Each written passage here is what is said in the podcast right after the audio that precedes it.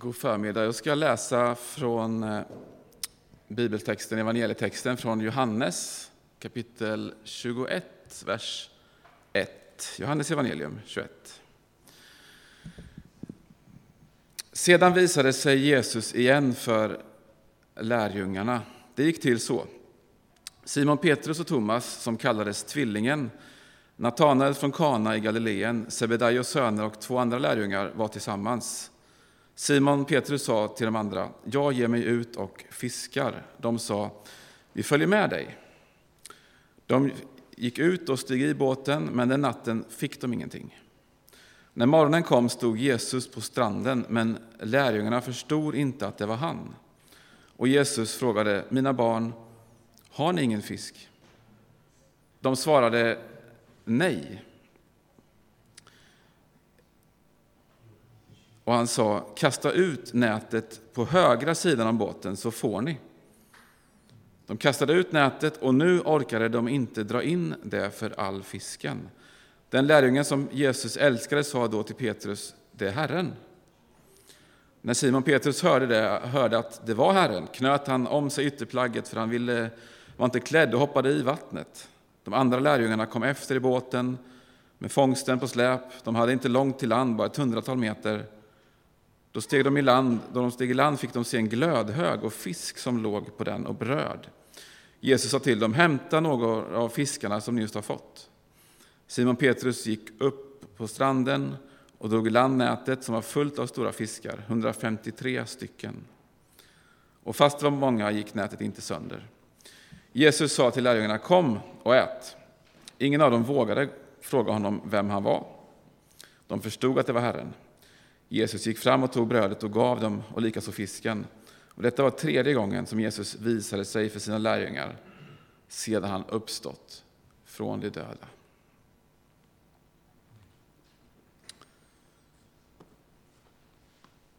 Temat för den här söndagen är, är påskens vittnen. Och eh, det vi nu har läst utspelar sig i en, en period av stor osäkerhet för lärjungarna. De här unga männen hade ju vandrat med, tillsammans med Jesus under tre år.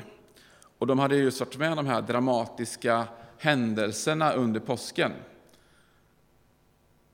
Och deras minnen, det här var ju direkt efter, så deras minnen var ju verkligen roa och obearbetade och omtumlande. De kom ihåg närheten till Jesus, men ni vet i den sista måltiden, sen det som förbyttes till fruktan och sorg vid avrättningen. Och så efter avrättningen så började surra rykten om att han trots allt levde. Så vad, vad, vad betydde det här egentligen? Vad betydde allt detta? Skulle det bli som vanligt igen? Vad, vad tänkte de? Vad, vad, vad ville de? Vad var deras plan? Och det får vi egentligen inte veta. Vi får inte reda på allt så mycket i den här texten. Men jag tror ändå att vi som eh, ja, men dagens moderna människor, om vi säger så, har en del gemensamt med de här smått förvirrade lärjungarna i den här situationen. De var med något väldigt viktigt här, efter en hel natt av, av misslyckat fiske. Och det som hände där, på något sätt så knöt det ihop historien med framtiden. De fick hjälp att förstå vad de hade varit med om under de här åren och särskilt under den här sista dramatiska veckan. Och hur det hade med deras framtid att göra. Och de här ledtrådarna som de får där kan också vara avgörande, ja men verkligen avgörande för oss. Så vi ska göra tre iakttagelser när det gäller den här texten och när det gäller lärjungarna. Och den första handlar om deras, om deras iver och eftertänksamhet. Det är ju två ytterligheter, typ. Iver och eftertänksamhet. Ja, men vi har väl alla varit med om någon, någon dramatisk period eller dramatisk händelse i våra liv. Nej, säger du. Jo, men när du föddes, det var väldigt dramatiskt. Eller hur? Fast du inte kommer ihåg det. Eh, men det kan handla om liv, om död, om eh, starka känslor för en annan människa eller om mäktiga natur eller reseupplevelser. Så. Vad är din mäktigaste naturupplevelse? Har, kommer du att tänka på någon? Jag vet när jag var och såg Niagarafallet i mitten av 90-talet. Det var mäktigt. Det är sånt man har med sig. Men sådana här mäktiga händelser och dramatiska tider i, livet, det, har, det är inte alltid. De tar slut. Det mesta av livet är ju vardag. Man kommer hem från resan, livet går vidare efter sorgen, man kommer in i vardagen efter den första förälskelsen. Intensiteten släpper och saker och ting återgår till det normala. Eller gör det verkligen det? Ja, men där är vi människor väldigt olika. En del gillar ju det här, gillar att det är fart och fläkt, att det händer saker, gillar förändring och häftiga upplevelser och blir liksom otroligt rastlösa när det inte händer någonting. Och här har vi ju Petrus då. Det, som det världshistoriska exemplet, nästan arketypen som man säger, för en sån människa. Han är den här ivrige aktivisten bland lärjungarna. Eh, den, den här morgonen så hoppar han ju i vattnet för att komma först fram till Jesus, till exempel. Och I andra berättelser så ser vi att han alltid ska löpa linan ut. Om nu Jesus ska tvätta hans fötter, ja men tvätta då hela mig, all, överallt. Eh, och det är han som hoppar fram och vill försvara Jesus med svärd där i ett semane trädgård. Men det är också samme Petrus som, som eh, eh där på Pilatus gård lika snabbt blir livrädd. Och utan att tänka så förnekar han att han någonsin har känt Jesus. Så. Så Jesus har en hel, säkert en, hade en, säkert en del besvär med den här ivrige följeslagare som han ställde till med. Så. Är det någon som känner igen sig lite i denna personlighetstyp? Lite. Ja, lite Petrus. Nej, men det finns ju säkert fler som tänker att ja, jag är ganska impulsiv och som gillar när det händer saker och som kanske blir lite, man blir lite nervös av vardagens förutsägbara lunk och så. Men sen finns det ju på den där stranden gott, det är inte bara Petrus, det finns också andra människor där på stranden. Bland fiskar och sand och matrester.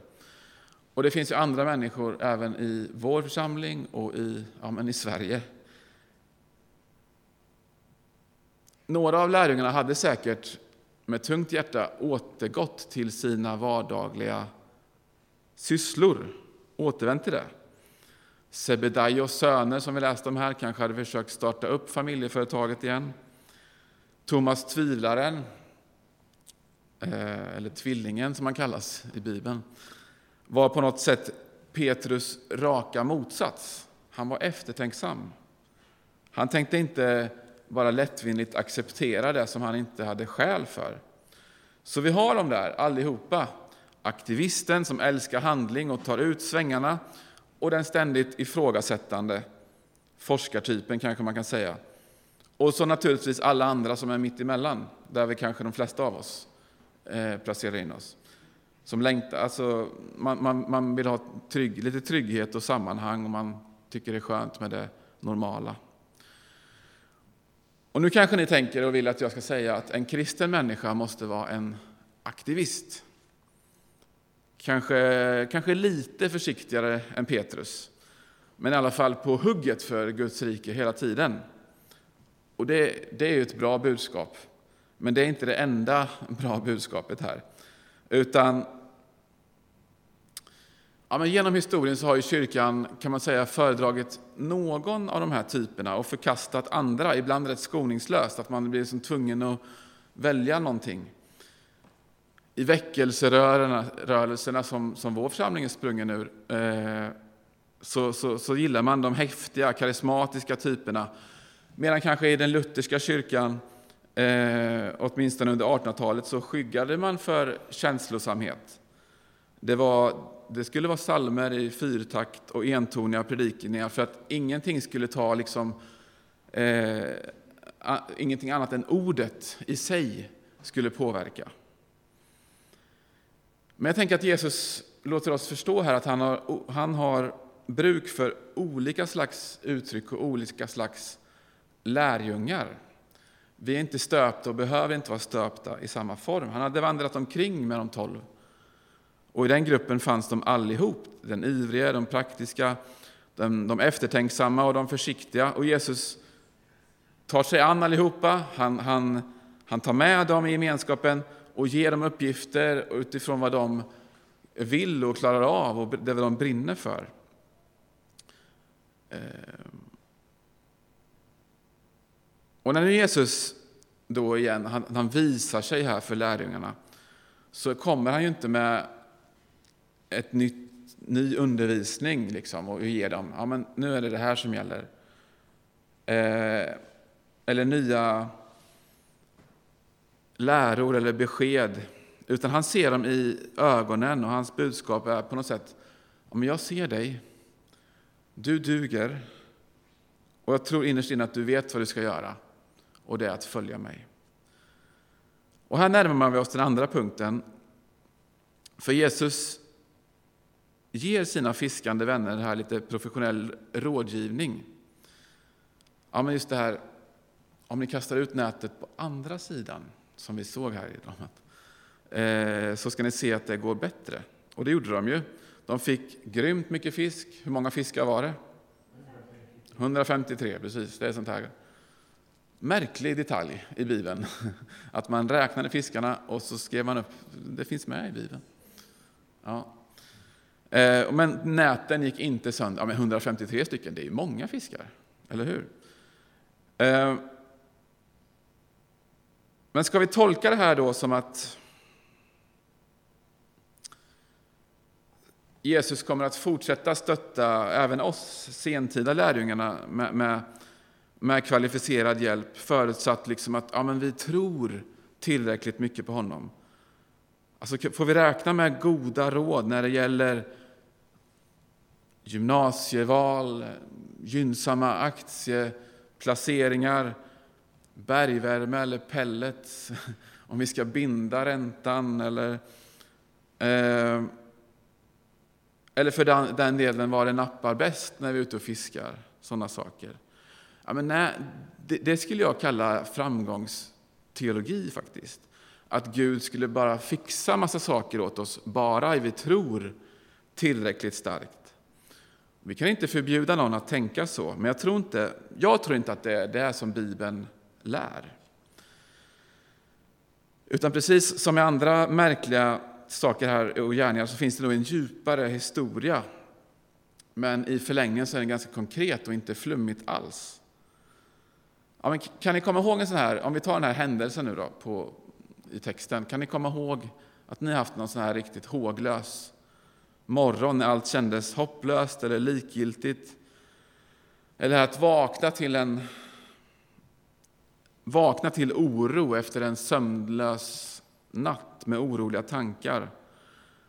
Eller att om man har jobbat natt, komma hem och känna att det mesta gick snett, som de här lärjungarna.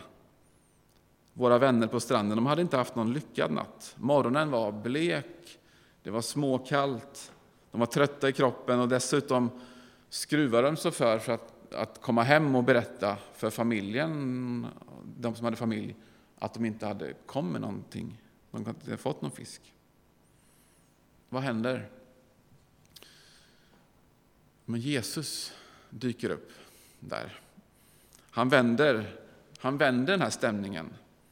Jesus dyker upp och fixar frukost. Och Det kanske inte är så konstigt, men han säger inte det här ja, men skärp er nu, skärp er nu grabbar, ge inte upp så lätt. Vad gör han då? Han ger ett sakligt råd och de får nytt livsmod. Kasta ut näten där. Först därefter så ser de att det är Herren, det är den uppståndne Jesus som har levererat det här goda rådet. Och det, det är väl kanske den ordningen som, som är rätt på något vis, att vi kan vara missmodiga och trötta, men rådet vi får är inte att rycka upp oss och ta oss i kragen, och, utan att ja, men håll utkik, se efter ett bättre alternativ. Att hitta det här gudomliga livsmodet och ny, ny kraft på något vis. Och det kan komma till oss de dystraste av morgnar, som vi kanske alla har ibland. Och från en Jesus som vi först inte känner igen. Kanske den lilla killen på första bänken i skolsalen eller busschauffören eh, som, som, som ler och ber snällt att ja, men glöm inte säkerhetsbältet. Eh, eller genom en älskad livskamrat, genom att, som, genom att finnas där en mulen morgon blir, kan bli bärare av det gudomliga livsmodet. Ja, men alltså, Jesus vill möta oss på olika sätt och jag tror han gör det. Och vi behöver se honom i vardagen. Jesus möter sina lärjungar. Han låter dem hitta nya krafter som, som de inte riktigt fanns där. Och Det finns ett modernt ord, ja, men det är på engelska, empowerment, det, som täcker ganska bra in detta. Det finns ingen bra, jättebra svensk översättning, men kan, kan säga bemyndigande. Ja, men Jesus säger att vi ska se oss som, som vuxna, som ansvariga, myndiga människor som ska vara medvetna om det vi har fått. Fått eh, som, som människor, fått i skapelsen, fått som gåvor. Och Det handlar i grunden inte om att rycka upp sig. Det handlar inte om mental träning eller olika knep för att känna sig bra, utan om att förstå att vi får möta den uppståndne Jesus. Det får vi möta genom livet och vi kan möta honom genom andra människor. De ser på oss med, med Mästarens ögon och, och, och vi kan få ta emot den kärleken. Och Det är på något sätt att se på livet med, på samma sätt som, som lärjungarna fick göra den här morgonen. Man får, vi får ordning på våra prioriteringar för att vi, eh, vi kan skilja det som är viktigt från oviktigt. Vi hinner med det vi måste. Vi kan lämna andra saker. Vi orkar med mer än vi tror. Och vi kan se Herrens mening på något sätt i det som vi gör i våra liv och i vår vardag. Och vi kanske inte kommer att sluta tampas med, med fyllda almanackor eller sluta behöva skriva inköpslistor, slåss mot tvätthögen eller hinna med att, just det här att hinna med saker på jobbet och sen hemma och hus och trädgård eller allt vad det är. Allt sånt är ju en del av livet. Men vi behöver inte ta oss i kragen för att känna oss bra, det här feel good. Utan Gud kan ge oss livsmodet och styrkan om vi öppnar och känner igen de här Jesus ögonen, hans blick som möter oss. Och det här ska vi inte missförstå nu, att eh, det här livsmodet som Jesus erbjuder är inte detsamma som ja, men framgång eller eh, det väl, alltså, allt ska vara välordnat och livets trygghet. Sådär. Men det är ett livsmod som vi behöver i både stort och smått. Och du kan kalla det hopp om du vill. Hopp. Eller Guds kraft. Ledning. För lärjungarna mötte ju olika utmaningar även efter det här lyckade fisket och mötet med Jesus på stranden och som stärkte dem. Några av dem fick lida, de flesta fick lida otroligt mycket för sin tro. Andra kämpade också med besvärliga problem och nästan övermäktiga problem, eh, uppgifter i den tidiga kyrkan. Så Jesus pekar ut det bästa stället att fiska. Ja, men det är sant. Men det han framför allt skickar med, även till oss, det är att vi inte står ensamma. Han ger kraft och råd när vi står rådlösa. Eh, han finns där. Antingen det handlar om sorg och förälskelse, eh, vad som än eh, finns i livet, finanskris eller det oundvikliga åldrandet eller vad som händer. Alltså Jesus finns inom synhåll, han väntar på stranden och han bjuder in dig. Och Det leder oss in till den tredje punkten här. Och jag pekade alldeles nyss på att Jesus hade en särskild blick för, för lärjungarnas olika temperament och talanger. Och kanske hade han särskilt mycket trassel med Petrus, den här ivrige som hade så mycket potential och vilja. Kanske fann mer tröst i samtalen ibland med Johannes, lärjungen som står att Jesus älskade. Men Jesus såg på var och en och som, som individer och respekterade eh, deras egenheter. Men det betyder inte att budskapet är uppdelat. Att liksom var och en blir salig på sin tro, som det ibland har hetat och som verkar vara någon gångbar, gångbar, eh, rätt gångbart idag också. Utan evangeliet är detsamma, men vi får vara olika som personer, och det är väl skönt. Eh, Jesus möter oss där vi är. Det finns inget A, det finns inget B-lag.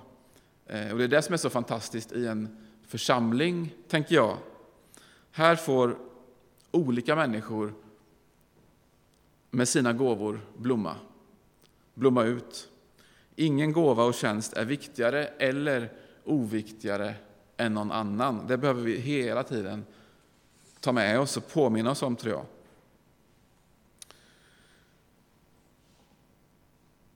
Jesus hade ordnat den här gemenskapen för lärjungarna i all enkelhet där på stranden.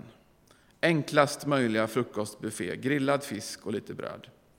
Men största möjliga gemenskap. Kom allihop och ät med mig. Petrus han vräkte sig först iväg. De andra de tog in båten, de var lite mer ansvarsfulla. Eh, de hjälptes åt att ta hand om den nya fångsten och kontrollera näten. Men alla var inbjudna. Alla kom till Jesus och det var han som bjöd in dem. Och det är en helig handling det här att få dela fisk och bröd tillsammans med Jesus. Och det är just därför att handlingen har en sån vardaglig innebörd. Det behöver inte vara främst i kyrkan som vi möter Jesus, att det kan vara lika väl i vardagen. Vi är inbjudna till honom hela tiden. Och det är han som bjuder oss att möta oss i vårt vardagsslit.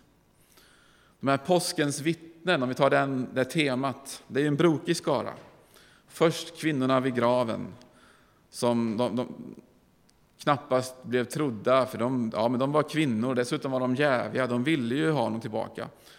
Sen vittnar olika grupper av lärjungarna om att han lever. Han ser dem i ögonen och han talar till dem.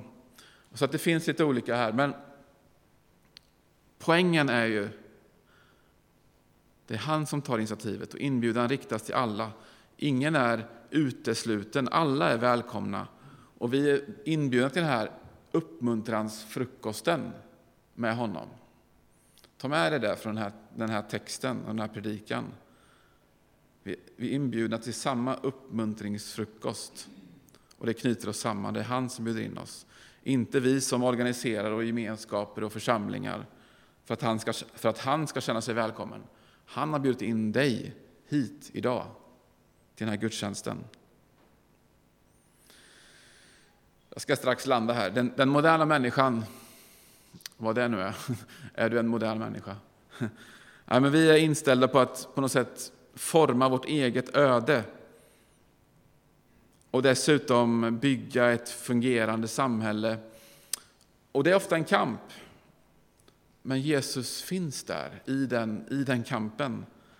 Eh, och vi får släppa hälsningen från Getsemane och från stranden där i Galileen är att, att vi får släppa axlarna och ta emot det som han vill ge oss. Att det inte finns något utanförskap och där måste vi inte jämföra oss med varandra. Han möter den som vill fånga hans blick. Och i hans blick så finns kärleken från, från, oj, från korset och den uppståndne. Och det gäller alla. Så till sist, kom ihåg de här tre sakerna nu. Eh, om ni inte hängde med riktigt på alla punkter så kommer de här till sist. Gud ser dig som du är. Med alla egenheter som, som ivrig eller eftertänksam, sentimental, förståndig, lättrörlig, eh, aktivist eller stöttepelare. Han ser dig och du duger. Han vill ha din kraft och ditt engagemang.